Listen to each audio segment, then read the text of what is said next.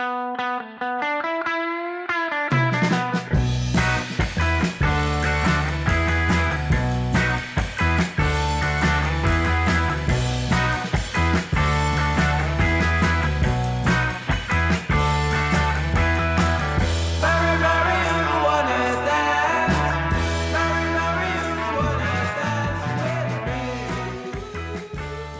Welkom bij High Tea met Dirk en Rens, een podcast over cannabis.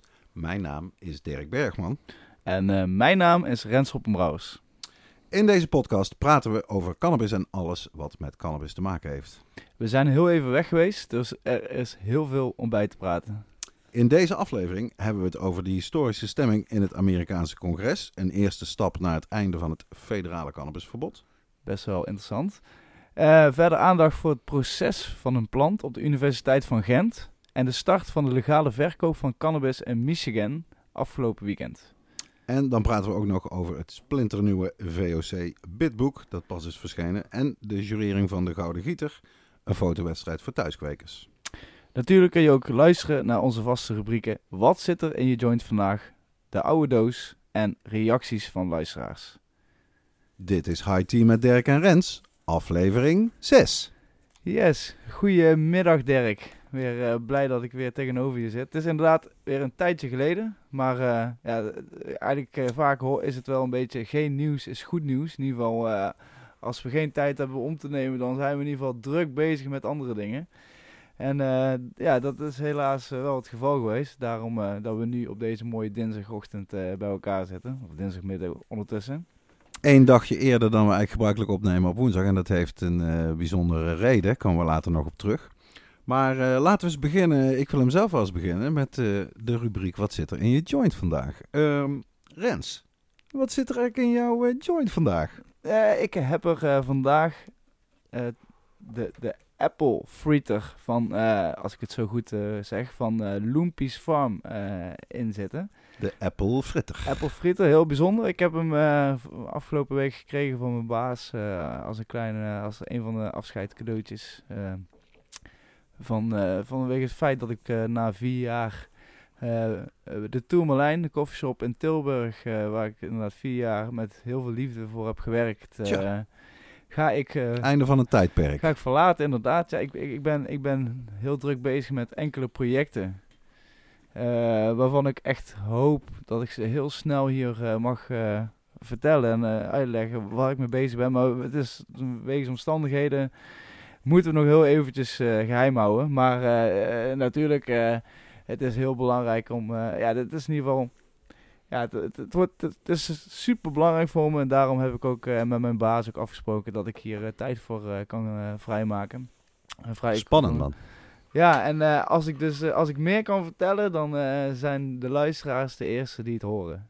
Bij High Tea Podcast. Dat lijkt mij ook. Maar ja. in ieder geval, om nu even terug te gaan over, op het soortje. Het is een Amerikaans soortje. Echt de Kelly, zoals ze het hier tegenwoordig allemaal noemen. Ja, want een apple fritter is volgens mij eigenlijk gewoon een soort gebakje. Ja, het is, ja. Ze, hebben, ze hebben ook echt de naam Sweet, gegeven van het...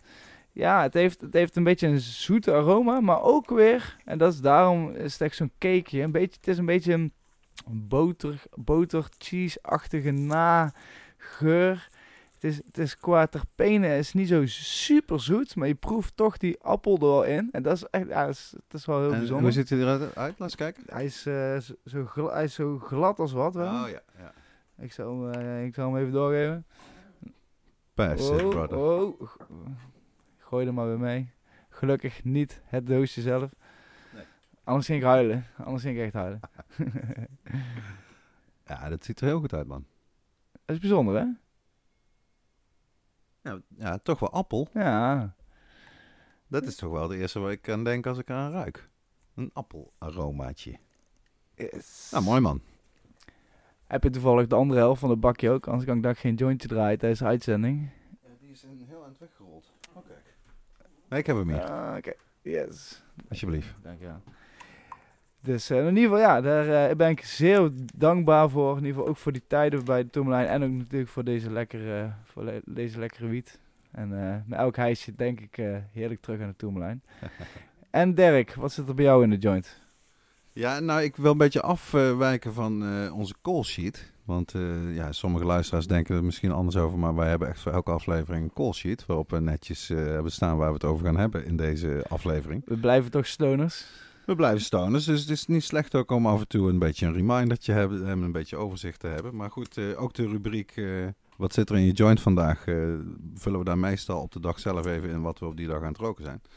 En ik was, moet ik zeggen, mijn eigen Gorilla Glue aan het uh, roken. Die heb ik al eerder volgens mij zelfs besproken in de podcast. Ja. Maar omdat dit een bijzondere uitzending toch is, kan ik wel zeggen, heb ik besloten om mijn laatste, wat ik zelf mijn Tutti Frutti Mega Mix noem, om die... Tutti Frutti Megamix. Nou, dat is een strain, daar heb ik nog nooit van gehoord. Of wat, ja, wat dat komt omdat het ook geen strain is eigenlijk. Eh, het verhaal is als volgt. Kijk, uh, ik zit een paar jaar in de jury van de High Life Cup. Wat betekent dat ik uh, het voorrecht heb om een, een boel samples te mogen roken en jureren elk jaar. Meestal in het voorjaar is dat. en wat er dan wel eens gebeurt, zeg maar, is dat je, mm, je draait een joint ervan en er blijft net zeg maar, een beetje wiet over waarvan je denkt dat hoeft er niet per se in. Er zit al genoeg in die joint. En op, op enig moment dacht ik, in plaats van het terug te stoppen in het zakje, laat ik dit nou even in een potje stoppen. Ik had nog een Bedelkamp uh, potje op mijn bureau staan. Dus vanaf dat moment heb ik eigenlijk de soortjes, vooral die, die echt heel lekker waren of bijzonder, uit al die samples. Uh, als er net een stukje van overbleef en dan ook de goede stukjes zonder tak of zonder blad natuurlijk, echt alleen maar mooie kleine topjes. Die stopte ik in een apart bedelkampotje. En uh, ja, die was dus zeg maar aangegroeid in het najaar tot een volledig uh, tot de rand gevuld potje met super goede kleine topjes van, ik denk in totaal wel twintig soorten. En toen mijn buitenwiet nog niet droog was, heb ik, ja, ging dat natuurlijk wat sneller op. en wat er nu over is gebleven is ja, nog drie van die mooie kleine topjes. Ze zijn inmiddels dus ietsje aan de oude kant, zou je kunnen zeggen. Maar niet te min, omdat het allemaal ook uh, inzendingen zijn voor de High Life Cup. En misschien zelfs ook nog wel voor de Homegrown Cup. Want wat ik daarvan over had, wat heel goed was, dat heb ik in hetzelfde potje gedaan. Kijk, dat maakt het wel heel lekker dan. En uh... dat is mijn uh, Tutti Frutti Megamix, die ik dus vandaag helaas voor het laatst moet gaan roken voor dit jaar. Maar wel een goed idee natuurlijk ook voor luisteraars. Wat we met hun eigen wiet kunnen doen. Als ze nog wat dingetje over hebben. Of, Apart potje Tutti Frutti. Dat geeft veel plezier. Doet het nog iets met de wiet zelf? nou ja, je, je ruikt alles door elkaar. Het wordt inderdaad een mega mix van terpenen, geuren. En dat is er wel bijzonder aan. En je, nou zie je dat niet zo, maar er zaten ook een aantal mooie paarse topjes bij bijvoorbeeld. En meer die blauwe, zeg maar, de blueberry uh. Dus dan krijg je ook nog mensen die, die de Twitterfeed van VOC Nederland volgen, die hebben dat wel eens gezien. Dat zag er echt uh, bijzonder uit van boven gefotografeerd, zeg maar. Kijk. Nou, in ieder geval uh, genieten van Dirk. Ik zie dat je nou aan het draaien bent. Dus uh, even kijken, dan gaan we naar het nieuws. Wat zit er in het nieuws? En, ja, uh, een hoop nieuws gebeurt. Echt, want de laatste keer dat wij dus onze uitzending hadden, dat was dus de dag, geloof ik, ja, de dag na het feit dat ze dus hier in Nederland de wiet... ja, de wiet klopt, Eerste Kamer, Ja, door ja. de Eerste Kamer hebben. Dat was voor Nederland ook al een behoorlijk momentje. Of nou ja, voor sommigen in ieder geval. Maar in Amerika is inderdaad ook een, een week later of anderhalf week later is er ook iets uh, een, of ander gebeurd. De, de, de, de 20ste, woensdag 20 november, de More Act de, de is dat, ja. Act. Ja, vertel er eens beter over, of meer over. Uh, nou, wat, het interessante eraan is, het lijkt heel klein, maar het zou echt heel groot kunnen worden. En hoe je het ook went of keert, het is eigenlijk voor het eerst sinds de jaren 30 van de vorige eeuw dat, we, dat Amerika de andere kant op gaat. Richting een einde aan het uh, landelijke federale cannabisverbod. In plaats van alleen per staat, zoals we dat tot nu toe hebben gezien. Dat is natuurlijk een langdurig en moeizaam politiek proces, hoe dan ook. En die eerste stap die gezet is op 20 november af, de, vorige maand. Uh, dat was de House Judiciary Committee van het House of Representatives. Dat is zeg maar de Tweede Kamer van Amerika. Dus zij bereiden in feite die wet voor. En dat was echt wel een landslide meerderheid die ze daar kregen van zowel Republikeinse leden in dat committee als de Democratische uh, leden van hetzelfde committee. De volgende stap is nou dat het hele House of Representatives er nog over moet gaan stemmen. Dat ziet er op zich al heel erg goed uit dat het ook een meerderheid gaat opleveren, want daar hebben de Democraten een meerderheid. En dan komt de belangrijkste hobbel waarschijnlijk. Het moet dan naar de Senaat, de, de Eerste Kamer zeg maar, van Amerika. Ja, want inderdaad, veel mensen denken al dat ze er al helemaal zijn. Eh, Op Twitter uh, helemaal... Nee, het zijn uh, echt stapjes, stapjes. Zoals het gaat in de politiek. Op dit moment heb je er nog niks aan, behalve dat je kan constateren dat dit nog nooit is vertoond in, uh, in bijna 100 jaar. Dat er, uh, ja, de Amerikanen noemen dat een comprehensive act. Er zitten dus meerdere elementen in. Die, die wet ziet er echt heel goed uit. Daar hoort onder andere bij dat mensen die een strafblad hebben, cannabis gerelateerd, het gaat er allemaal van af. Wat in, Amerika, in, Amerikaanse geval betekent dat je ineens weer mag stemmen, bijvoorbeeld. Dat je ineens weer aan de universiteit mag studeren. Want al die dingen vervallen, en dat geldt dus voor honderdduizenden, ik denk zelfs wel miljoenen mensen in Amerika. Die hebben dus hun stemrecht verloren door een paar gram wiet. Of zelfs soms maar één of twee joints. Dus al die dingen worden gerepareerd in deze MORE Act. En kijk, als deze wet uiteindelijk een meerderheid krijgt in de Senaat en hij wordt wet in Amerika, dan is dat echt de Berlijnse muur die uh, gevallen is. Dan is dat het einde van het federale verbod in Amerika. En dan durf ik er toch wel het een en ander om te verwedden dat het in de rest van de wereld dan ook heel snel gaat. Want het zijn natuurlijk de Amerikanen die uh, begonnen zijn met heel die flauwekul. Ja, ja, inderdaad. Ja, het is wel, het is heel erg hoopgevend natuurlijk voor de toekomst. En ja, want je kan dus zeggen, en ik heb volgens mij zo'n artikel ook wel voorbij zien komen al op internet van, oh, uh, it will die in the Senate. Ja, weet je wel? In de Senaat krijgt het helemaal geen meerderheid. Maar als je goed uh, je inleest op die situatie, je weet hoe dat precies gaat, hè, dan zie je dat er echt al best veel republikeinen zijn, ook boegbeelden, die inmiddels echt aan de andere kant van de lijn zijn gaan staan. Die zitten namelijk gewoon in de raad van bestuur van cannabisbedrijven, legale cannabisbedrijven in Amerika of Canada. En dat zijn natuurlijk waarom krijgen die mensen zoveel geld betaald om in zo'n raad van bestuur te komen zitten. Om bij hun oude collega's on the hill, zoals het dan heet, de mensen in de Senaat onder andere, om daar te gaan lobbyen en die te overtuigen dat ze wel voor deze wet moeten gaan stemmen. Ook al denken ze misschien dat het iets verkeerds is. Hij kan het wel uitleggen dat het niet zo is, want dat is zijn baan. Dus daar zou je best nog wel eens een verrassing kunnen krijgen. Want je hoeft natuurlijk niet alle Republikeinse senatoren mee te hebben. Je moet een meerderheid hebben voor die wet. Dus als je er, de cijfers heb ik niet helemaal paraat, maar je hoeft er niet enorme aantallen over te halen om mee te stemmen voor die wet. En dan zou het uh, wel een meerderheid kunnen krijgen. En dan is hij er. En dan theoretisch is het mogelijk, zoals bij elke wet, dat de president een veto gebruikt om hem tegen te houden. Dat zou Trump dan moeten doen. Maar dat zie ik Trump eerlijk gezegd niet doen. Want als hij tegen cannabis was of tegen regulering of de stappen die, die uh, eigenlijk elke maand nog worden gezet naar meer legalisering in Amerika, dan had hij daar al lang iets aan gedaan of iets van gezegd. Dus ik denk niet, ik, denk dat hij wel snapt dat hij zich ontzettend impopulair zou maken als hij dat tegen zou houden, zeg maar. Mm -hmm. Dus ik, heb, uh, ik ben er nog niet zo van overtuigd dat uh, the more act will die in the Senate, zeg maar. En de, de tijdsframe? Ja, dat is altijd heel lastig te zeggen, want uh, die agendas die wisselen een beetje zoals in Nederland. Ze gaan ook kijken wanneer is het opportun om, ermee, om, om het in stemming te brengen. Wanneer zijn er genoeg senatoren overtuigd bijvoorbeeld. Dus dat is moeilijk te voorspellen. Maar uh, het is duidelijk wel een eerste stap.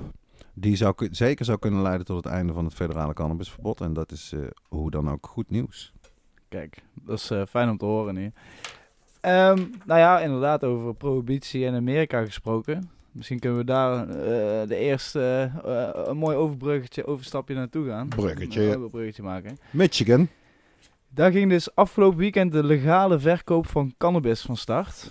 En levende legende John Sinclair was uh, ja, volgens mij de eerste koper, toch? Daar, was, daar kwam het nieuws ook mee. Uh, en het is een heel bijzonder verhaal natuurlijk voor de, voor de lieve mensen. Absoluut. Die ja. dus niet weten wie John Sinclair is. Ja, we gaan dadelijk even het, het, hele verhaal van John Sinclair vertellen in de rubriek uh, De Oude Doos. We hebben daar volgens mij nog niet echt een jingle voor, maar... Uh, die daar zijn we nog. mee bezig. Daar zijn we, omdat dit de nieuwsrubriek is, beperken we ons nu even tot het, het nieuws over die legale verkoop. Ja, Wat ja. heel interessant is, het is de eerste uh, uh, staat in de Midwest die cannabis voor adult use heeft gelegaliseerd. En de Midwest is dus, zoals de naam al zegt, hè, en, meer in het westen en meer in het midden. Het zijn heel conservatieve staten, waar tot nu toe maar weinig gebeurde op dit gebied. Dus dit is absoluut een doorbraak. En je kan ook weer verwachten dat die staten daaromheen, die ook nog wat conservatief zijn, kunnen zien dat het in Michigan allemaal prima gaat. Want het, zo, het gaat tot nu toe natuurlijk met al die staten.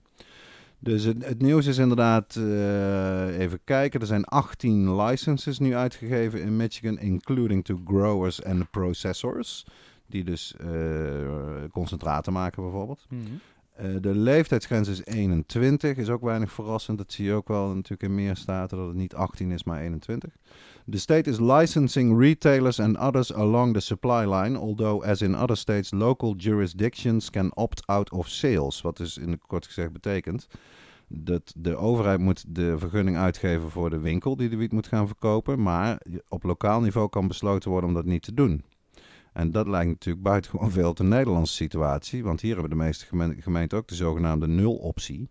Waarin ze zelf zeg maar, voor hun gemeente hebben bepaald: nee, nee, uh, wij doen geen koffieshop. Laat ze maar naar de dichtstbijzijnde stad gaan, is het dan in veel gevallen. Uh, dus dat is in Michigan hetzelfde. Maar wat je ook ziet met die staten is dat ze vaak beginnen met een vrij streng, robuust regime aan regels. En dat naarmate de tijd vordert en het succes duidelijk is, dat ze die regels gewoon weer versoepelen en dat er meerdere dingen mogelijk zijn. Maar uh, ja, dat was dus afgelopen weekend. Ik zag ook prachtige beelden van een van die uh, winkels die open ging. Waar echt een rij stond van, nou, ik denk wel zes blokken of zo. Hè? Daar stonden duizend man in de rij. Prachtig om te zien. Uh, en dat zijn eigenlijk beelden die we elke keer weer zien. Hè? Als er zo'n staat legaal wordt met een bepaalde datum, dan staan ze al, ja, middernacht staan ze vaak al voor de deur. Uh, de lokale tv-ploegen staan erbij. Iedereen is super blij. Uh, mensen die inderdaad tientallen jaren ja, ondergedoken op de zwarte markt met veel moeite slechte wiet moesten kopen, kunnen nou gewoon naar een winkel. Dat, ja, ik vind dat zelf altijd prachtig om te zien, uh, moet ik zeggen, dat soort beelden. Hmm. Ja, even kijken. En um, de universiteit, daar moet ik even goed inlezen. Gent, hè? Ja, de universiteit België? Gent uh, ik heb, wat ik ervan heb meegekregen inderdaad, ik lees het nou even zonder, of ik zeg het even zonder het nieuws, uh, maar is inderdaad dat ze, ze houden theatervoorstellingen, genaamd Cannabis Sativa Proces van een plant. Klopt. En die, die houden ze op verschillende universiteiten. Nee, nee, het is allemaal op de Universiteit Gent. Oké. maar het is voor verschillende groepen studenten.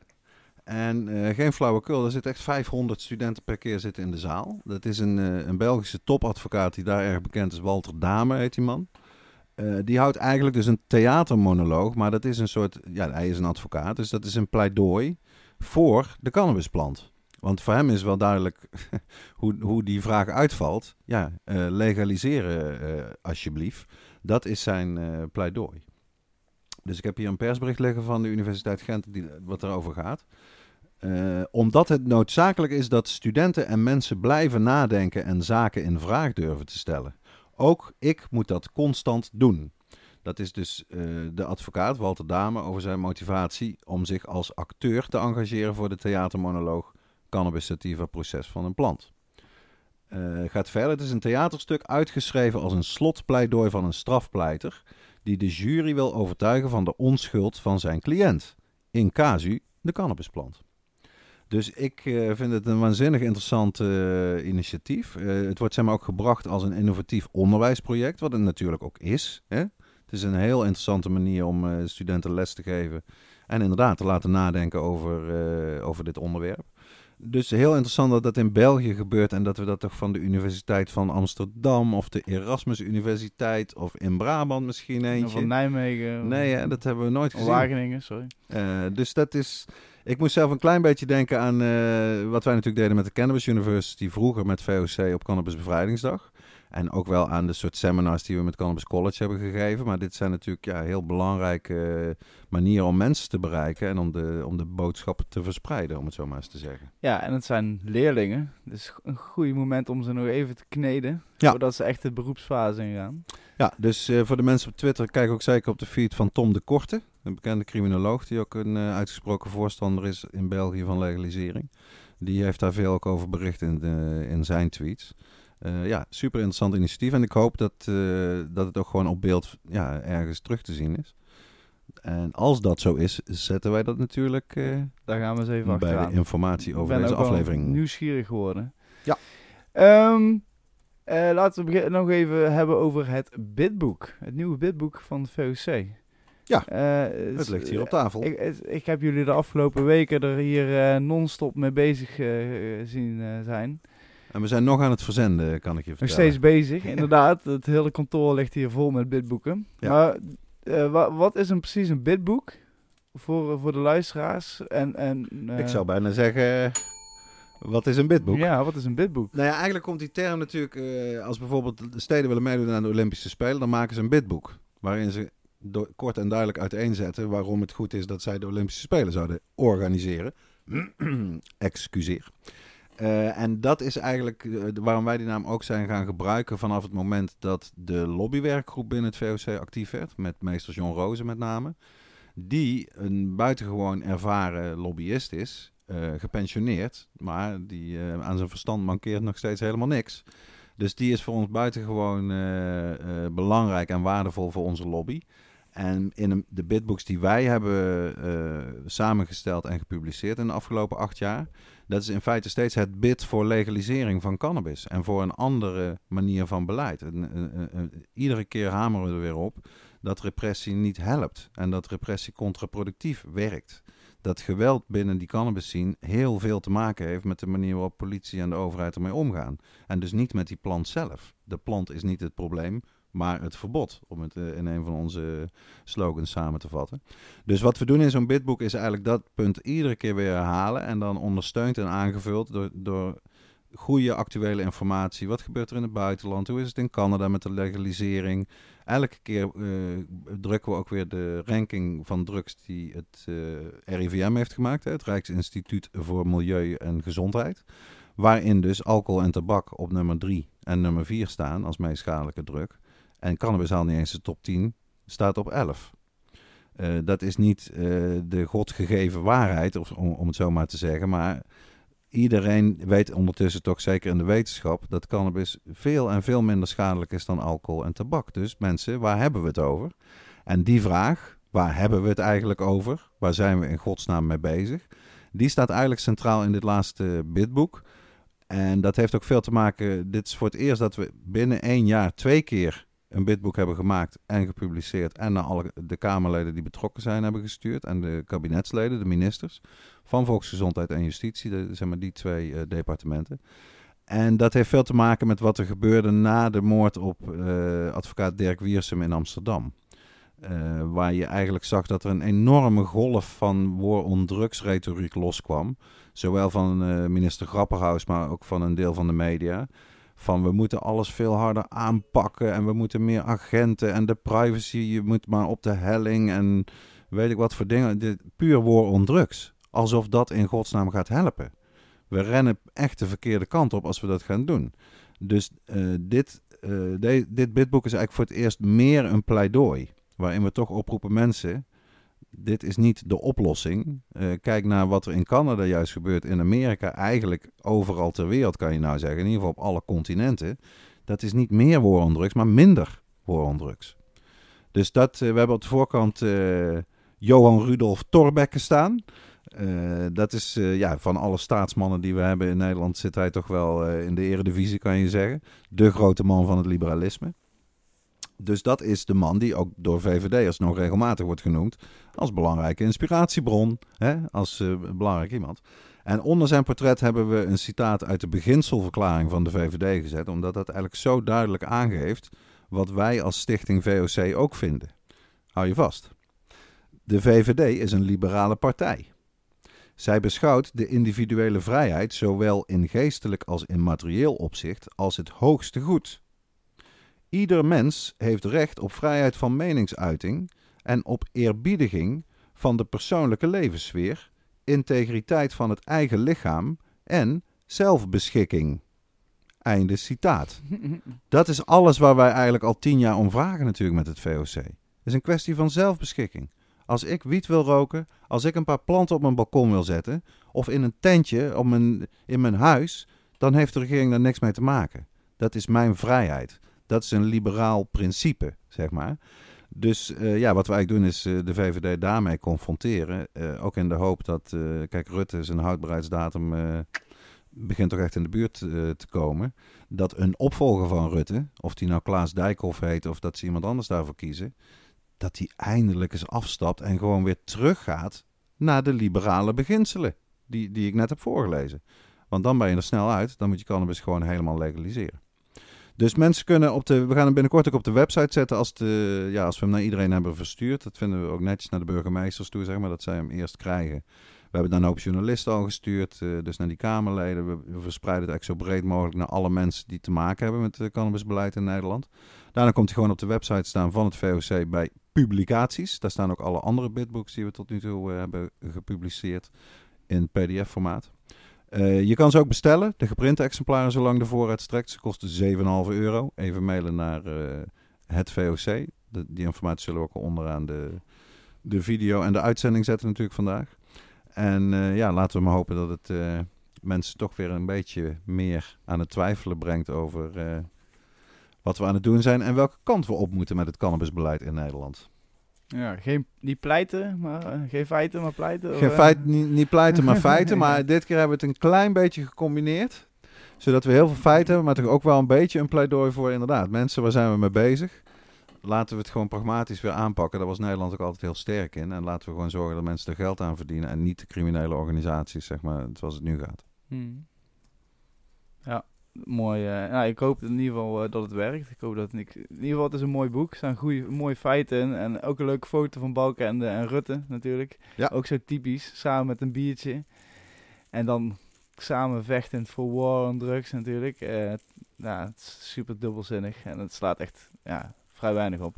Hypocrisie met een hoofdletter. maar en, en, jullie wilden die, die foto wilde je eigenlijk op de voorpagina zetten. Maar natuurlijk, ja, dan is het natuurlijk heel erg uh, drammend. En, uh, ja, we willen mensen natuurlijk ook niet voor de schijnen schoppen. Nee, we willen mensen aan het denken zetten. Dat Precies. is, uh, dus het is een hele goede foto, maar toch ja, wel goed, goed dat je hem toch hebt geplaatst. Dus het la laat ook een kans zien. Um, nou zijn jullie ook afgelopen week ook druk bezig geweest in Nijmegen voor de Gouden Gieter. Ja, ik heb klopt. het een klein beetje ook gevolgd van afstand via Twitter en Instagram van het Plantarium. Um, het is een uh, fotowedstrijd georganiseerd door het VOC en Plantarium. Um, voor eigenlijk uh, ja, voor mensen om, om, om, een foto te maken van hun eigen plant. Precies. En op te sturen naar, uh, naar de Gouden Gieter. En hier hadden twee categorieën. De mooiste plant en de mooiste foto. Ja. En jullie hebben dus, zijn gisteren bij elkaar gekomen als ik het goed heb, om, uh, om, om, om ja, de foto's... de deadline voor inzending was 1 december. En uh, we zijn dus gisteren, 2 december, zijn we naar Nijmegen gegaan. de jury bestaat uit mijzelf, de secretaris van het VOC die naast mij zit, Mauro Picavet. En een, een grootmedewerker van Plantarium. Echt iemand die heel veel verstand heeft van, van planten en van thuiskweken. Uh, en dat, dat zit ook een beetje in de jurering, zeg maar. Uh, kijk, je kan een fantastisch mooie foto maken, die er technisch uh, heel speciaal uitziet, met een heel bijzonder perspectief, met mooie kleuren. Van een plant, ja, die plant die is misschien niet zo bijzonder, maar de foto is wel heel bijzonder. Dus daarom hebben we gezegd van nee, dan, dan geven we ook twee prijzen. Mooiste foto en mooiste plant. En in beide soorten hebben we ook leuke inzendingen gekregen. Wat ook wel grappig was, het kwam toch wel eigenlijk, kunnen we zeggen, teleurstellend langzaam op gang, de inzendingen. We hadden een beetje gehoopt van, nou, dan gaan mensen gewoon insturen. Hè. We, we, zetten het op internet, we maken reclame via Facebook en weet ik wat. De Plantarium helpt mee. Leuk prijzenpakket. We hadden een mooi prijzenpakket. Naast dus ook een geweldige trofee. Uh, een echte gouden gieter, zeg maar. Niet van echt goud, maar uh, niet van echt te onderscheiden, kan ik zeggen. maar dat viel tegen en langzaam, langzaam begon het wel te lopen. En in het laatste weekend, dus afgelopen weekend voor de deadline hebben we de helft van het totale aantal inzendingen binnengekregen. Ongelooflijk. Dus of dat nou ligt aan kwekers, aan blowers of aan Nederlanders, dat weet ik niet precies. Maar veel mensen hebben op het laatste nippertje hebben ze gewacht om die inzending te doen. Zodat wij uiteindelijk toch best een... Uh, aan, ja, we hadden volgens mij 23, 22 inzendingen in totaal die ook voldeden zeg maar, aan de criteria. Uh, want je moest een controlefoto meesturen, zodat we konden checken dat je die foto's helemaal niet zomaar van internet had geplukt. Dus dat was nog, uh, ja, dat was sowieso een heel gezellige middag voor de jury, zeg maar, om die foto's te beoordelen. En eigenlijk door deductie, dus door weg te halen die we niet de hoofdprijs uh, waard vonden, kwamen we dan langzaam tot, tot een laatste kopgroepje. En uh, hebben we uiteindelijk die winnaars kunnen kiezen. Met name één, ik mag nog niet verklappen wat het is, want het wordt pas 16 december gaan we dat officieel bekendmaken, ook samen met Plantarium. We kunnen geen we kunnen, nee, hoe noemen we zoiets? Een premiumpje of een... Uh, een tipje van de sluier, wil je zeggen? Nou, nou ja, het zou mooi zijn. Uh, nou ja, dat kunnen we bewaren tot de volgende keer. Dan kunnen we nee, we houden, het, we houden het spannend tot het officiële moment. De winnaars zelf weten ook nog niet wie er gewonnen heeft. Maar wat ik wel kan zeggen is dat het alle twee echt gewoon geweldig... Uh, de fotowinnaar is een geweldige foto en de plantwinnaar is een geweldige, wauw-achtige plant. Dus dat is leuk. En eh, kijk, we waren in feite wat laat begonnen. Hè? Ehm, maar ja, beter, beter laat dan nooit zou je kunnen zeggen in dit geval. Maar voor de Gouden Gieter 2020, voor volgend jaar, begint de inschrijving letterlijk gewoon vanaf 1 januari. Het gaat er echt om, maak die foto in het jaar 2020 van je eigen plant. En dan denk je mee naar die van, eh, van volgend jaar. Dus check de website, gewoon www.degoudengieter.nl. En 16 eh, december komen de winnaars en, naar uh, buiten. Ja, doe, en doe mee voor volgend jaar. Absoluut, Want, uh, ja. uh, We streven ook naar om het prijzenpakket elk jaar weer mooier en interessanter en voller te maken. ja, en je krijgt op een gegeven moment mooie catalogus van al die planten die dan dit, dat jaar zijn Ja. gekweekt. Ook dat Nou ja, bij de eh, jurering eh, kwam het plan eh, vanuit Plantarium dat zij ook zeg maar, een klein tentoonstellingje wel in de winkel. Dat ze zeg maar, de, een selectie van, eh, van de mooiste foto's gaan exposeren gewoon in de winkel. Dus dat is ook nog, eh, ja, dat is toch bijzonder. En wat ik ook al, eh, die verhalen die erbij wa- eh, bij zaten, moet Ja. ik zeggen, die waren best wel mooi. Want je ziet ook gewoon, bijna elke plant heeft een verhaal. Dat is echt, Zonder meer, Ja, dat zonder is meer. echt eigenlijk die, die En elke oogst is weer anders, zeker voor buitenkwekers. Ja. Zelfs voor binnenkwekers wel, maar buitenkwekers helemaal. Iedere zomer is weer anders, er gebeuren andere dingen. Dat is echt... eh, Maar ja, ook hoe ze hem behandelen. Het is ook echt wel vaak hun, eh, hun schatje. En, eh, Zeker. Nou ja, of ze oh. gaan dan juist pak hem haar stevig aan door lekker te stretchen en allerlei trimming te doen en zo. Dat hebben we ook wel gezien op die foto's. Echt mooi. Planttraining. Ja. Ja, en het is natuurlijk ook een, gewoon een boost voor de. Om gewoon, eh, ja, wees trots op je plant. Wees natuurlijk wel een beetje discreet en zorg dat, je, dat niemand. eh, ja, want dat zijn we natuurlijk allemaal netjes dichtgetimmerd. Hè? Als mensen anoniem willen blijven, dat kan allemaal. Van de foto's wordt al die data natuurlijk afgehaald. Daar zorgen we allemaal dat het heel netjes en heel anoniem eh, is. Maar inderdaad, Wees trots op je je, hoeft je niet te schamen Nee. als je goed kan kweken. Integendeel. Je wordt ermee beloond. Zeker. Nee. Nou, in ieder geval hartstikke leuk. En eh, eh, voor alle mensen, doe mee met eh, de Gouden Gieter 2020 voor volgend jaar. Ehm, dan gaan we naar de volgende. eh, is, hebben we nog een nieuwtje? Nou, daar zijn we dus vorig jaar, vo- vorig jaar, vorige uitzending, dus helemaal is het een beetje ontschoten Tussengevallen. tussengevallen door al de zenuwen en, de, en dergelijke.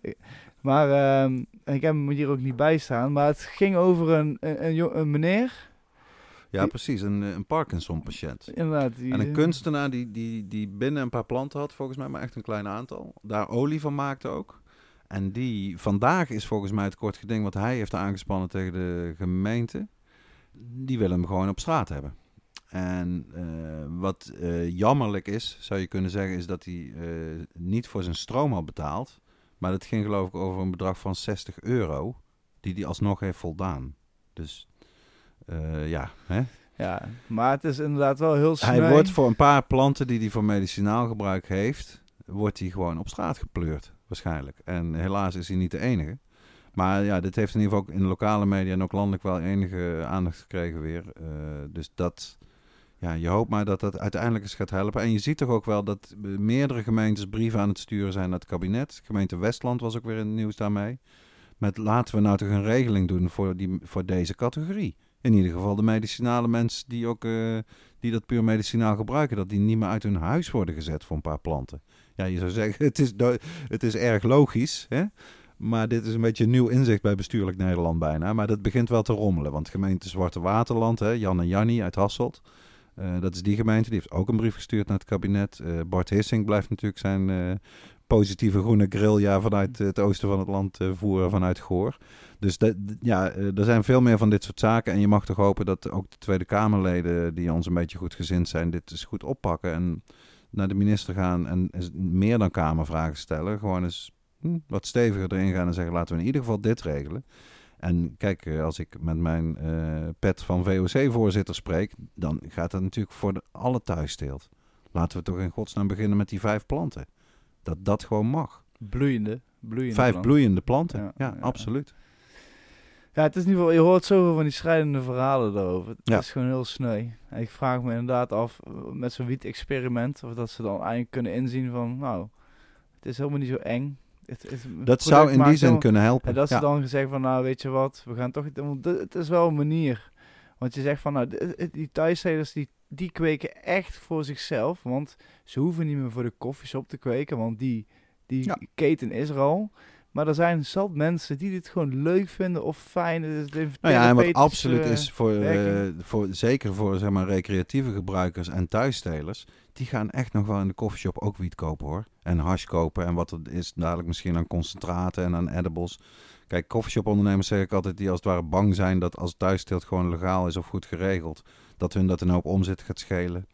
Nee hoor, de gemaksconsument, dat zijn net zo goed blowers. Die willen gewoon een zakje kopen of een potje nog liever, hè. Met goede wiet erin, waar ze verder niks hoeven te doen. En de enthousiastelingen, die houden meestal zoveel van cannabis. Ik kijk maar naar mezelf. Dat ik natuurlijk nog steeds wel in coffeeshops, eh, hè, als ze iets lekkers hebben. Ja, tuurlijk. zeker. Mm. Ja, het is... ja, het Ook is- als je brood eh, koopt, ga je nou wel eens naar de bakker, weet ja, je ja, bedoel, kijk maar hoeveel mensen magnetronmaaltijden halen, Ja, weet of je wel. gesneden, voorgesneden ui. Ja, Kant-en-klare poffertjes, man. ik bedoel, inderdaad, dat, Dat dat, is het. dat, dat, hoeveel kwekers of hoeveel blowers zullen echt daadwerkelijk thuis kweken? Want het is best veel moeite, mensen. Ja, eh, je moet er best wel voor eh, investeren, je moet dingen Kijk, voor op doen. de, op de Gouden Gieter Instagram-page zie je wel allemaal schitterend mooie planten. Maar eh, voor elke plant die er zo mooi uitziet, zijn er ook een heleboel bij, waar het mis bij is gegaan natuurlijk. Hè? ja, Iedereen moet leren. Ja, inderdaad. dus, ehm, ik zeg, we gaan naar de oude doos. De Want, eh, oude doos. De oude doos. Het heeft natuurlijk... eh, we hadden, we Die jingles die jij bij de vorige eh, aflevering had, die, die ben je vergeten in Tilburg, denk ik, of er- Die niet? ben ik helaas vergeten. Ik moet zeggen dat ik de kwaliteit van het geluid ook niet zo super vond. Dat ik dacht van, woehoe. Dat is misschien ook wel iets voor onze, lezer, onze luisteraars. Hoe komen we aan, wat is een goede manier voor jingles voor onze podcast? Moeten we zo'n machine daarvoor kopen of soundboard? Nou ja, ik, eh, mijn, eh, mijn goede vriend eh, Joel, die heeft al een keer een klein geluidsdingetje gemaakt. Al moet ik zeggen dus dat hij, eh, ja, dat is... We gaan, er, we gaan ermee, eh, we, gaan het verbeteren. We gaan ermee, eh, laten we zeggen, ja. Maar iets- goed, tijd voor De oude doos. De oude doos. Ja, dat, dat loopt eigenlijk parallel dus met het, eh, het goede nieuws uit Michigan van deze week. Want inderdaad, de eerste klant, of in ieder geval een van de allereerste klanten die daar legale cannabis heeft gekocht, was John Sinclair. 78-year-old poet John Sinclair. Wie is deze man? Ik heb hem eh, een paar keer ontmoet en één keer geïnterviewd in Amsterdam in 2001. Hij is gearresteerd in de jaren 60. Ik pak even erbij om het goed te zeggen. Toen hij 27 was, ja. In 1969. Omdat hij twee joints had doorgegeven aan een undercover politieman. Wat een boef. Wat een boef. Wow, wow. En op dat moment eh, was hij manager van een band in Detroit. De Detroit, eh, of de MC5. Ik zeg het verkeerd, de MC5. Een soort eh, proto-punkband, kan je zeggen. Zeer kritisch over de oorlog in Vietnam en alles wat in die tijd gebeurde in Amerika. Dus het was al gauw duidelijk dat, hij- dat ze hem vooral gewoon achter de tralies wilden hebben. Omdat hij een hoop herrie maakte en een hoop eh, kritiek had op de overheid.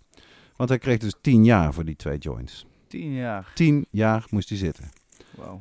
Hij had twee kleine kinderen ook op dat moment. Dus dit was een absolute schande. Met name ook omdat natuurlijk in 1969 ontzettend veel mensen gewoon bloden. Peace and happiness. Ja, Het op televisie. Het was de grote hippie-tijd. Ja. Dus dit was een, absoluut schandaal. Maar het duurde toch nog eh, enige tijd. Ik denk dat hij iets van twee jaar, tweeënhalf jaar vast zat van die tien. En toen is er een benefietconcert voor John Sinclair eh, georganiseerd in Ann Arbor in Michigan, zijn thuisstaat. En dat is de geschiedenis ingegaan omdat een van de mensen die daar optrad was John Lennon. En dat was de allereerste keer volgens mij dat hij na, de, na het uit, uit elkaar gaan van de Beatles überhaupt op een podium stond. En hij had een speciaal nummer geschreven voor John Sinclair, Song voor John Sinclair. En eh, ja, ik ken het helemaal in mijn hoofd, ik vind het geweldig. Eh, het refrein gaat eh, It Ain't Fair, John Sinclair. En ik pak de tekst er even bij, dan kan ik hem goed citeren. It ain't fair, John Sinclair. In the stir for breathing air. Won't you care for John Sinclair? In the stir for breathing air. Let him be, set him free. Let him be like you and me. They gave him ten for two. What else can the judges do? You got to set him free. En de, de tekst verder is ook prachtig. Eh, mensen moeten het nummer maar eens een keer eh, afluisteren. Het staat natuurlijk op YouTube. Eh, dat concert kreeg heel veel media-aandacht, met name omdat John Lennon daar optrad. met Yoko Ono en een, en een band om dat nummer te spelen. En in dezelfde week van het concert, ik denk twee, drie dagen daarna, eh, is John Sinclair vrijgelaten. Eh, ineens, plotseling. Zoals, eh, hij, zoals John Lennon vertelde bij de David Frost Show in diezelfde week. By a stroke of good luck werd hij vrijgelaten uit, uit de gevangenis. En kon hij voor het eerst in jaren weer zijn kinderen ook weer zien. Dus dat is een prachtig en emotioneel moment. En de full circle is natuurlijk dat toen Michigan afgelopen weekend cannabis helemaal legaliseerde en de verkoop van start ging, dat dezezelfde John Sinclair, inmiddels 78 jaar oud, de eerste klant was die daar eh, legale cannabis ging kopen. En ik pak eventjes een, eh, een verslag uit Newsweek erbij. Uh, according to Michigan Life, Sinclair spent $160.35 on a number of pre-rolled joints which had names such as Gorilla Glue Number 9 and Forbidden Jelly. En eh, John Sinclair eh, heeft gezegd tegen de verslaggever: It went swiftly. I got some weed over the counter. It's about time. I've been waiting for this for 50 years. Tot Ja. zover de oude doos. Ja, dat, is wel, dat maakt het cirkeltje inderdaad wel heel mooi rond. Dat hij gewoon Nou, ik moest eerste- zelf natuurlijk heel erg denken aan allerlei mensen in Nederland die gestreden hebben hè, voor opheffing van het cannabisverbod. Simon Vinkenoog, Armand, Joep Omen. Er zijn veel mensen die het niet hebben gehaald. Die helaas overleden zijn voordat het zover is. En eh, dat vind ik doodzonde, om het zo maar eens te zeggen. Maar het is prachtig om te zien dat, dat iemand als John Sinclair, die ook helemaal dat heeft meegemaakt. En ook ja, die jaren, dat, die krijg je ook nooit meer terug. Weet je wel, die in de gevangenis heeft gezeten, is afschuwelijk. 2,5 jaar is al ontzettend veel. Ja, en dan voor twee joints, weet je wel. Ja. Maar dat zo'n man nog maar meemaakt van zie je wel dat ik gelijk had en dat je het beter kan legaliseren, dat is, eh, dat is schitterend. Dat is wel fascinerend. Ja, dat is in ieder geval wel een mooi, eh, een mooi verhaal. De, me- de, de, volgende verhaal, eh, de, de volgende verhaal uit de oude doos, die bewaren we gewoon weer voor de volgende uitzending. Zeker weten. Eh, die waarschijnlijk toch ook weer pas over twee weken is, aangezien ik eh, er even, eh, heel even uit ben. dat klinkt heel bescheiden, maar je gaat naar het The Promised Land, toch? Je gaat naar het land van de on- onbegrensde mogelijkheden. Ik ga even John Sinclair een hand geven. De US of A. ja, nee, ja, ik... Vertel. Voor een project waar ik dus al afgelopen maanden mee bezig ben, ja, is het eh, heel verstandig. eh, leek het ons ook heel verstandig om eens een keer te zien in Amerika waar ze het allemaal over hebben en hoe het daar allemaal eh, aan toe gaat. En we gaan ook even langs Canada, dus ik, wij wij willen gewoon een Nice. beetje alle perspectieven zien. We gaan ook wel met mensen praten daar. Hoe legalisering in de praktijk werkt. Ja, en, en, en dus lijkt me ook heel interessant om het echt in alle, om, om, om het in verschillende staten mee te maken en hoe mensen daar ook over praten, eh, wat mensen beter vinden of beter, iets beter willen of iets, of dat ze het goed vinden of Wat de prijzen zijn misschien ook. ja, ook dat en ook gewoon de kwaliteit. Ik Ja. ben ook zeer benieuwd. We krijgen inderdaad, Ja, want je bent altijd erg kritisch op de kwaliteit in de Nederlandse coffeeshops, hè? ja, ik, Verwacht je dat het daar overal helemaal top zal zijn? Of nou ja, heb je geen verwachting? Hoe ga je er naartoe? Eh, mijn verwachtingen zijn behoorlijk hoog, moet ik eerlijk zeggen. Omdat wij natuurlijk hier al die Kelly krijgen. Ja. En ik, ik heb altijd wel het gevoel van, nou, het zou ook nog maar eens goed kunnen dat dit gewoon de restjes zijn die worden weggestuurd. En eh, dat ze ook, je weet het Ja, niet, of de wiet die is afgekeurd door het lab, omdat er eh, toch te net veel PGR's in zitten. whatever op zat. Nou ja, kijk, het is... Dan zou het beter moeten zijn dan wat je hier krijgt. Ja, ik, ik, ik, ben heel benieuwd wat bijvoorbeeld... Je hebt inderdaad de designer weed, zoals die ik hier voor me heb. De apple man. fritter van Loompies. Of de cookies, of, of de Jungle Boys. Maar ik ben ook echt heel benieuwd naar wat onbekende eh, farms. Craft strains. Ja, die gewoon een, een gewone OJ Kush hebben. Ga je ook een- proberen om bij Jim Belushi's farm langs te gaan in Oregon? ik, eh, ik, ik, ik ga het proberen, maar volgens mij is het niet, eh, gaat het, eh, niet gaan we dat niet halen, eerlijk gezegd. Met alle, maar het Dat is lijkt me wel wel een mooi. dingetje om nog wel Ja. eh, in ons achterhoofd te houden, mits we nog een Hij dag... moet toch eh, ook publiciteit hebben voor zijn nieuwe tv-serie daarover? Ja, je weet zou ik een podcast kunnen overnemen. Ja. Nee, nou ja, gekkigheid. Maar eh, nee, ja, het is, eh, ik, ben, ik heb er echt ontzettend veel zin in. Ik vlieg morgen. Het is behoorlijk spannend allemaal, moet ik eerlijk zeggen. Ik, ben, eh, ik, heb wel eens, ik heb wel eens gevlogen. twee, drie uurtjes naar Spanje. Maar Niet over de grote plas. echt eh, acht uur lang of zo. Ik, ik eh, ben benieuwd, maar ik laat me altijd graag verrassen. En ik ga gewoon mee in de flow en, ehm, en we zien het wel. Eh, we gaan, Nou, ik zou eh, zeggen, hou aantekeningen bij, zodat we meteen als je terug bent een nieuwe podcast op kunnen nemen met al jouw avonturen en ervaringen. Zeker weten. Ik kan ik eens echt. Ik bedoel, nou heb ik dus de, de, de, mijn. eh, hoe noemen we dat? Wat ik er allemaal van ga verwachten. En dan is ook echt wat. Wat ik ook echt. Kan ik het echt, echt laten. Of niet laten zien, helaas. Maar wel vertellen. Ja, een paar foto's moet kunnen, toch? Ja, dat, ja, dat zeker. Ik zou het nog kunnen delen op Instagram. Maar. ehm, ja. Ik, ik ben ook. Ja, ik ben echt zeer benieuwd. We gaan het zien. Maar wel terug voor de kerst? Of, eh, Ja, High ben- Christmas. Nee, ik ben echt. eh, ik ben over twee weken ben ik weer terug. Oh, dus eh, je, gaat me, je gaat me niet te lang missen. gelukkig We kunnen nog altijd bellen. Dus nee, ja, ik, ik, hoop echt dat ik tenminste wat mensen in het echt spreek. En dat ik wie weet nog wel mooie contacten maak. En, Ja, man. ja, ook wie weet ook voor andere projectjes waar we samen mee bezig zijn. Dus, Exciting. wie weet. Ehm, ja, dan gaan we al naar de laatste, laatste rubriek van de, van de show. Maar dit was een interessante inzending, geloof ik. Hè? Ja, de, Reacties van luisteraars. reactie van luisteraars. Ik kijk Reacties van luisteraars. Ja, ik kijk altijd eventjes van tevoren op onze, op onze YouTube kanaal en op onze Soundcloud kanaal om te kijken of dat er nog reactie is van de luisteraars. En ik zal ondertussen ook nog Soundcloud openen. Maar op YouTube... staan, op Spotify staan we ook, maar daar kan je niet reageren. Nee, ja, volgens m- dat moet ik zeggen, volgens mij is dat niet een hele fijne medium om daar echt lekker op te kunnen reageren. Via Instagram, pod, eh, de Soundcloud, Heb je ook de mailbox gecheckt? mailbox. itpodcast met een t at gmail.com. Hey, ik ga hem gewoon direct openen, gewoon meteen. Echt kijken, ik, alles wordt... Maar eh, kijk, de reactie die we binnen hadden gekregen via YouTube vond ik eigenlijk eh, een guaranteed winner. Die is, die is geniaal. Die is al heel fijn. Maar eh, nee, we, we, hebben dus echt een eh, uurtje geleden nog een eh, reactie gekregen op onze vorige podcast. van Leonor Bitcanna. Nou, waarschijnlijk van het Bitcanna eh, bedrijf. Maar ik, ik ga, we gaan hem eerst behandelen. Eh, eh, de reactie is... Hey mannen, het was weer een leuke aflevering. Thanks daarvoor. Nu nog een hy- hypothetische vraag.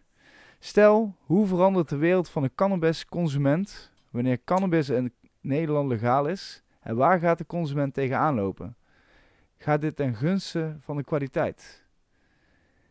Hele interessante vraag. Ah, eh, is een hele Lekker breed. Lekker, lekker breed, lekkere eh, vraag om over te discussiëren. Ik zou zeggen, you go first. Nou, we gaan, laten we eerst de vraag in tweeën splitten. Ja. Dus, hoe verandert de wereld van de cons- cannabisconsument wanneer cannabis in Nederland legaal is? Dat is eh, de eerste vraag. Nou, de wereld van de cannabisconsument gaat heel erg veranderen. Daar ben ik echt van overtuigd. En eh, kijk, we komen nu echt uit een eh, ongecontroleerde, eh, grijze, illegale markt. Zit, daar zitten we nu in. En coffeeshops, die, die, die zijn echt afhankelijk van, van een goede contactenkring. En ook natuurlijk de, de blauwe ogen van de kweker. Om te weten of dat het echt goede kwaliteit wiet is. Alleen de laatste jaren eh, natuurlijk veel shops, eigenaren met alle respect. Maar die, die komen toch op een leeftijd dat ze toch allemaal niet meer heel erg direct heel veel betrokken meer zijn. En je- Nou, of durven zijn ook in sommige gevallen. hè, Dat ze echt op afstand willen zijn van het inkopen. Ja, bijvoorbeeld dat ze daar niet meer eh, heel erg eh, eh, eh, ja, bij de tijd zijn, om het zo maar te zeggen. Maar de, je, je, krijgt ervoor echt... De, de, de, coffeeshop is echt... Ja, eh, ik, ik geval, om het maar om, gewoon netjes te verwoorden... Ik denk echt dat op het moment dat hier dadelijk le- legale cannabisproducenten komen, op welke vorm dan ook, kleine farmpjes of een grote producer, de kwaliteit, eh, die, die, die, kan, die, die kan gewoon altijd veel beter worden. Mhm. En, En de duidelijkheid ook. Hè? Dat vind ik zelf een belangrijk aspect. Dat je een soort zekerheid hebt. Oké, eh, er staat deze strain op het menu. Dat- En het is die strain. Precies, daar, daar was ik nog niet eens. Daar was ik nog niet Ja. Maar het is inderdaad, eh, als we het over kwaliteit hebben. Kijk, het is gewoon een, een heel groot risico eh, om in Nederland cannabis te kweken op dit moment. Ja. Elke dag langer dat de planten staan is weer een dag extra risico. En dat merk je gewoon, dat veel planten gewoon eh, vroeg worden geknipt. eh, wordt weinig tijd aan het drogen besteed. Ehm, het snel, snel, vaak opgeslagen in, slechte zakken van plastic, waar de, waar de aroma van de plastic helemaal in de wiet trekt. Er zijn zoveel voorbeelden te noemen waar, waar, gewoon, de, waar gewoon de, de kwaliteit van cannabis onder leidt. En, en wat je eigenlijk relatief eenvoudig, hè, als het in, in, een gereguleerde situatie is, dat kan je vrij makkelijk oplossen. ja, de, mensen of eh, bedrijven kunnen hun apparatuur afschrijven. Ze hoeven niet meer bang te zijn dat ze op worden gepakt of dat ze geript worden. Nou ja, natuurlijk is er altijd kans voor overvallen, maar uh, dat, dat, dat terzijde. Maar, uh, als ik kijk naar Bedrokan, dan zie ik dat niet zo eerlijk gezegd. Nee, ja. ja, maar, nee, maar je moet het natuurlijk altijd op voor. Ja, je, moet, het, niet, uh, niet te licht nemen. Maar um, uh, ook het keurproces, ja. wat uh, best wel technisch lastig is en waar de smaak van de cannabis totaal afhankelijk Ja, ik heb dat zelf in Canada, ben ik in die droge ruimtes geweest, die echt gewoon, ja, waar het met karretjes in wordt gerold, waar exact de luchtvochtigheid wordt bepaald en de temperatuur van de ruimte. Uh, afhankelijk van de strain, hoe lang ze hem precies curen daar, weet je, voordat hij weer verder wordt uh, verwerkt. Ja, dat is serieus werken. Ja, dus er zijn allemaal eh, onderdelen waar, wat, ja, wat voor mij wel, ja kijk, zeker weten, ik bedoel, dat kan ik nooit. En misschien, misschien wordt het, komen er bedrijven hier in Nederland die uitermate slecht cannabis kweken, dat iedereen weer verlangt naar de zwarte markt. Dat, dat zou zeker kunnen.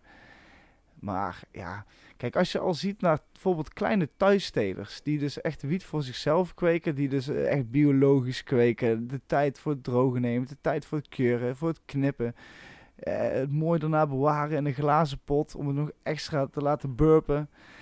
Dat zijn dingetjes, ja, eh, als je, extra te laten burpen? Ja, ik zei het een beetje scheef uh, Amerikaans, maar het is in ieder geval...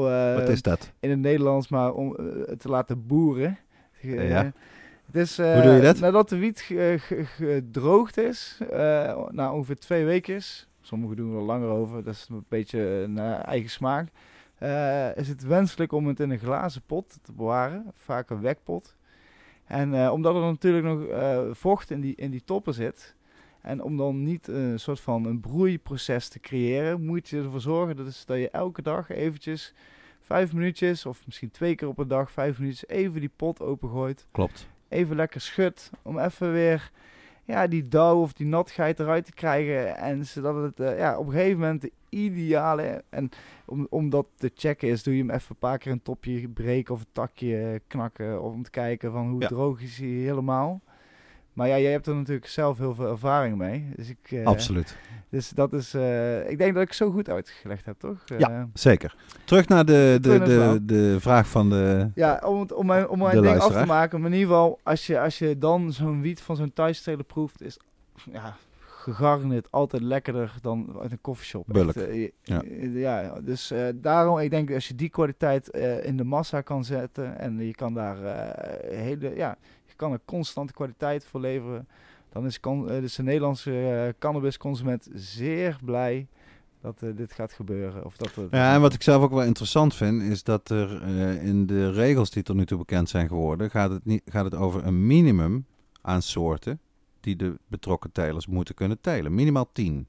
Er zit geen maximum aan. Dus dan denk ik, hè, optimistisch van aard, als we 10 telers dadelijk hebben, die minimaal 10, maar misschien dus wel 50 soorten zou kunnen gaan kweken.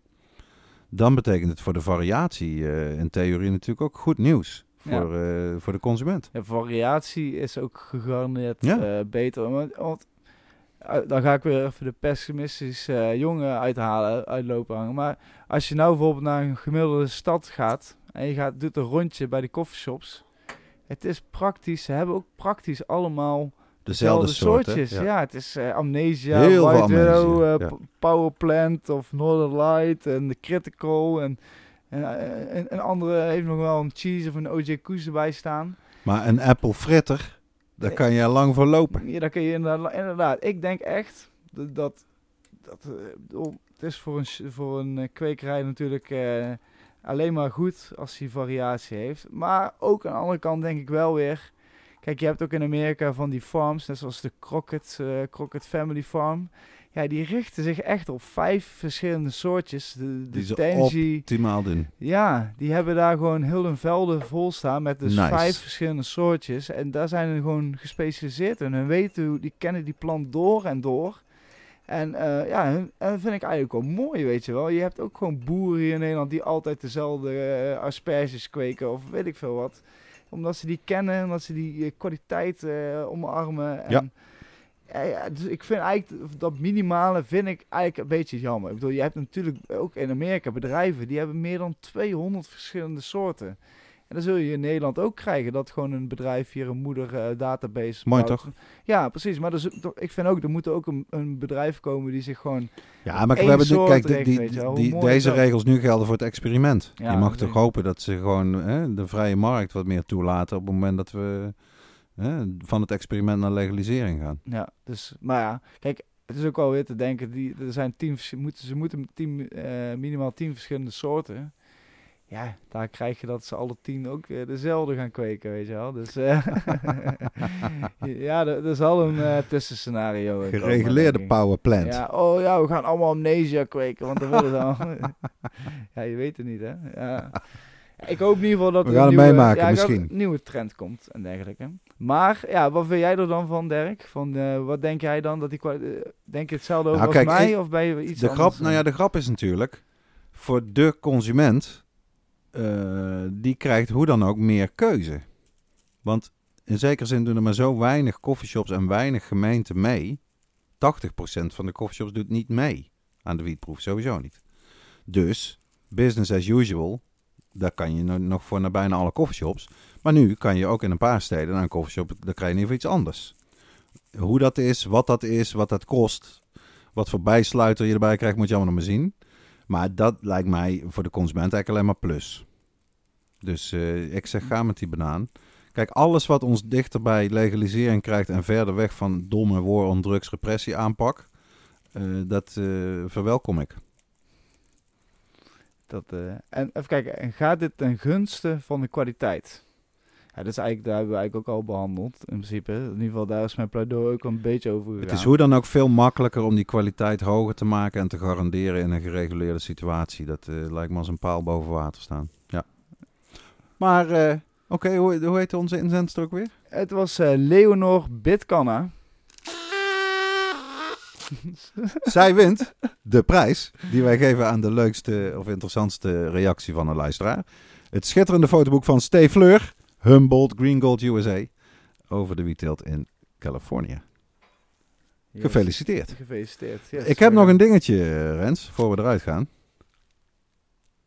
Oh ja, dat hebben we ook inderdaad niet behandeld. Super nieuws. ook wel eh, best wel belangrijk is. Dus Ja, lijkt me wel.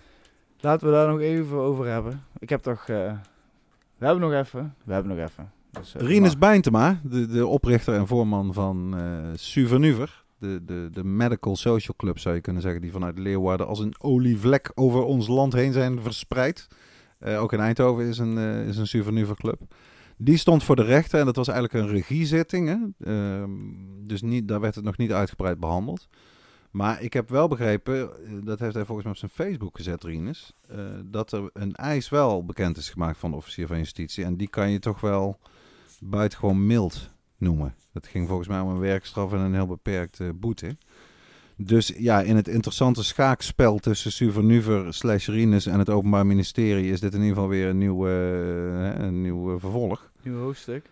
En het wordt heel interessant, want op dit moment heeft Suvernuver, als ik het goed begrepen heb, 20.000 leden. Rinus was ook op de Cannabis Capital Convention, hè, die onlangs in Amsterdam was, eh, samen met Jair. Jair, weet je dat nog uit je hoofd? Die Jair, die ook mee helpt met Suvernuver in ieder geval, bezig is eh, met dat proces. Dus dat blijft erg spannend. En kijk, we kunnen in ieder geval constateren dat het, dat het Openbaar Ministerie niet inzet om hem achter de tralies te zetten, bij wijze van spreken. Terwijl als je de letter van de wet volgt, dan is natuurlijk wietolie, hè, staat op lijst 1, Harddruk. is een harddruk.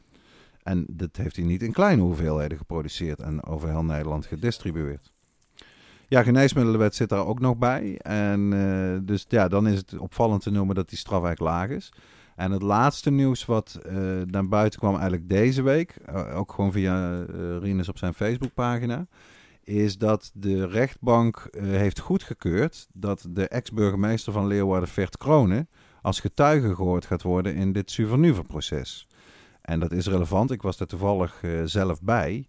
In oktober 2017 is er een openbaar debat geweest over cannabis in Leeuwarden. Mhm. Wat ook uitgezonden werd volgens mij destijds door Omroep Friesland. En daar was Rinus te gast, daar was Vert Kronen te gast en daar was ik namens het VOC eh, te gast. En daar kwam het op een gegeven moment expliciet over. Ik geloof dat de vraag van, van de presentatrice luidde... Zo meneer de burgemeester, u heeft dus een harddrugsfabriek in uw stad. Wat gaat u daaraan doen?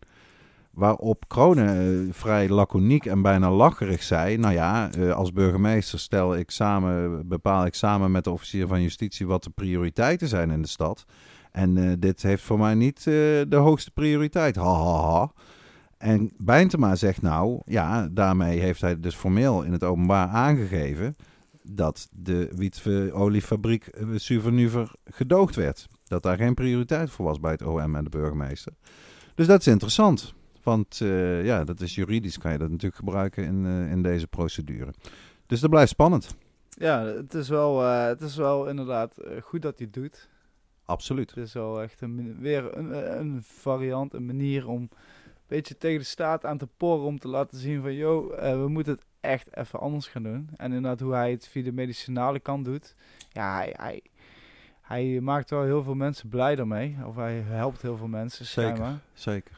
En eh, ja, en het is voor natuurlijk, eh, zo krijg je natuurlijk wel gewoon steun. Ik bedoel, je, het is moeilijker om een olietje van een zieke patiënt af te pakken dan een topwiet van een eh, hippe schooljongen die Precies, een joint zit te ja. roken. Dus op die manier, Nee, geen enkele politicus die gaat, dat, beter, die gaat dat voor zijn rekening nemen. Dat jij gewoon vaak ook bejaarde, zieke mensen hun medicijn afpakt. Dat is PR-technisch niet heel sterk. ja, en, en je kan er alles over vinden, maar hij steekt er behoorlijk veel tijd in. Hij is er echt Hij is al jaren fulltime mee bezig. Hij, eh, hij organiseert inderdaad die social clubs waar mensen Ja. dus echt informatie kunnen krijgen. Ook op 420, hè, 20 april, heeft hij altijd toch een evenement laatste jaren. In Amsterdam eh, in ieder geval. Ja. Dus eh, nee, echt een strijder, zonder meer. Ja, dus eh, nou, ik hoop in ieder geval eh, dat het goed komt. Maar het is wel inderdaad apart dat hij een hele lage schrijft, want dan krijgt hij alsnog wel straf. Ja, Dus Ja. ik hoop natuurlijk wel dat er... Want maar de rechter bepaalt natuurlijk. Hè? Kijk, weet je wat stom is? Maar even eh, heel lullig om te zeggen, maar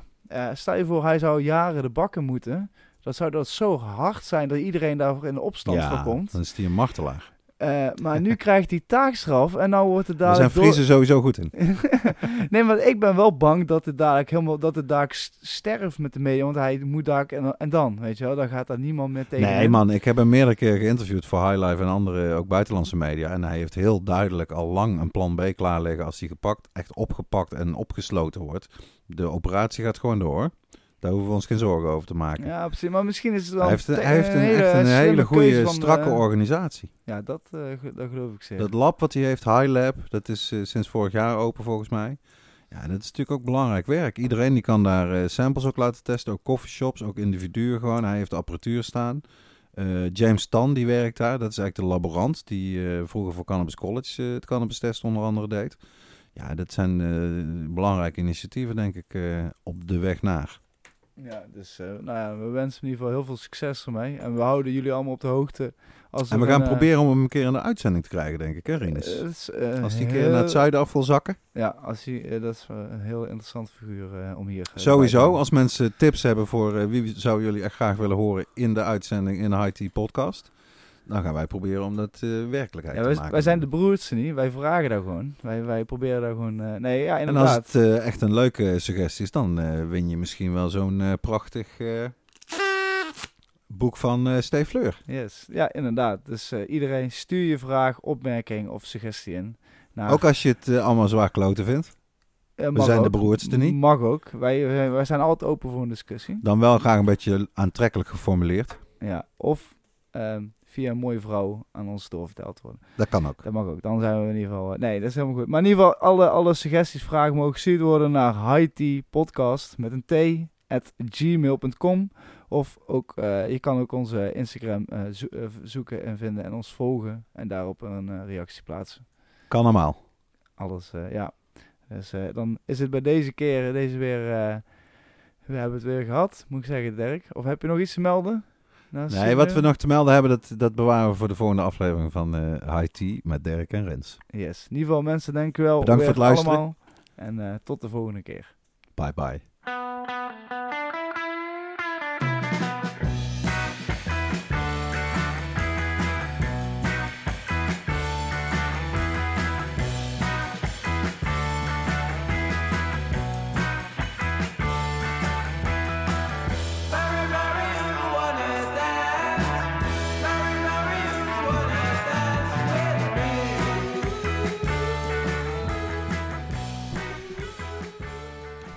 Tea met Dirk en Rens wordt gemaakt door Dirk Bergman en Rens Hoppenbrouwers. Onze tune is Wanna van Moon. Beluister de muziek via iTunes en Spotify. Volg Tea op Instagram, at met een T. Ons mailadres is highteapodcast at gmail.com.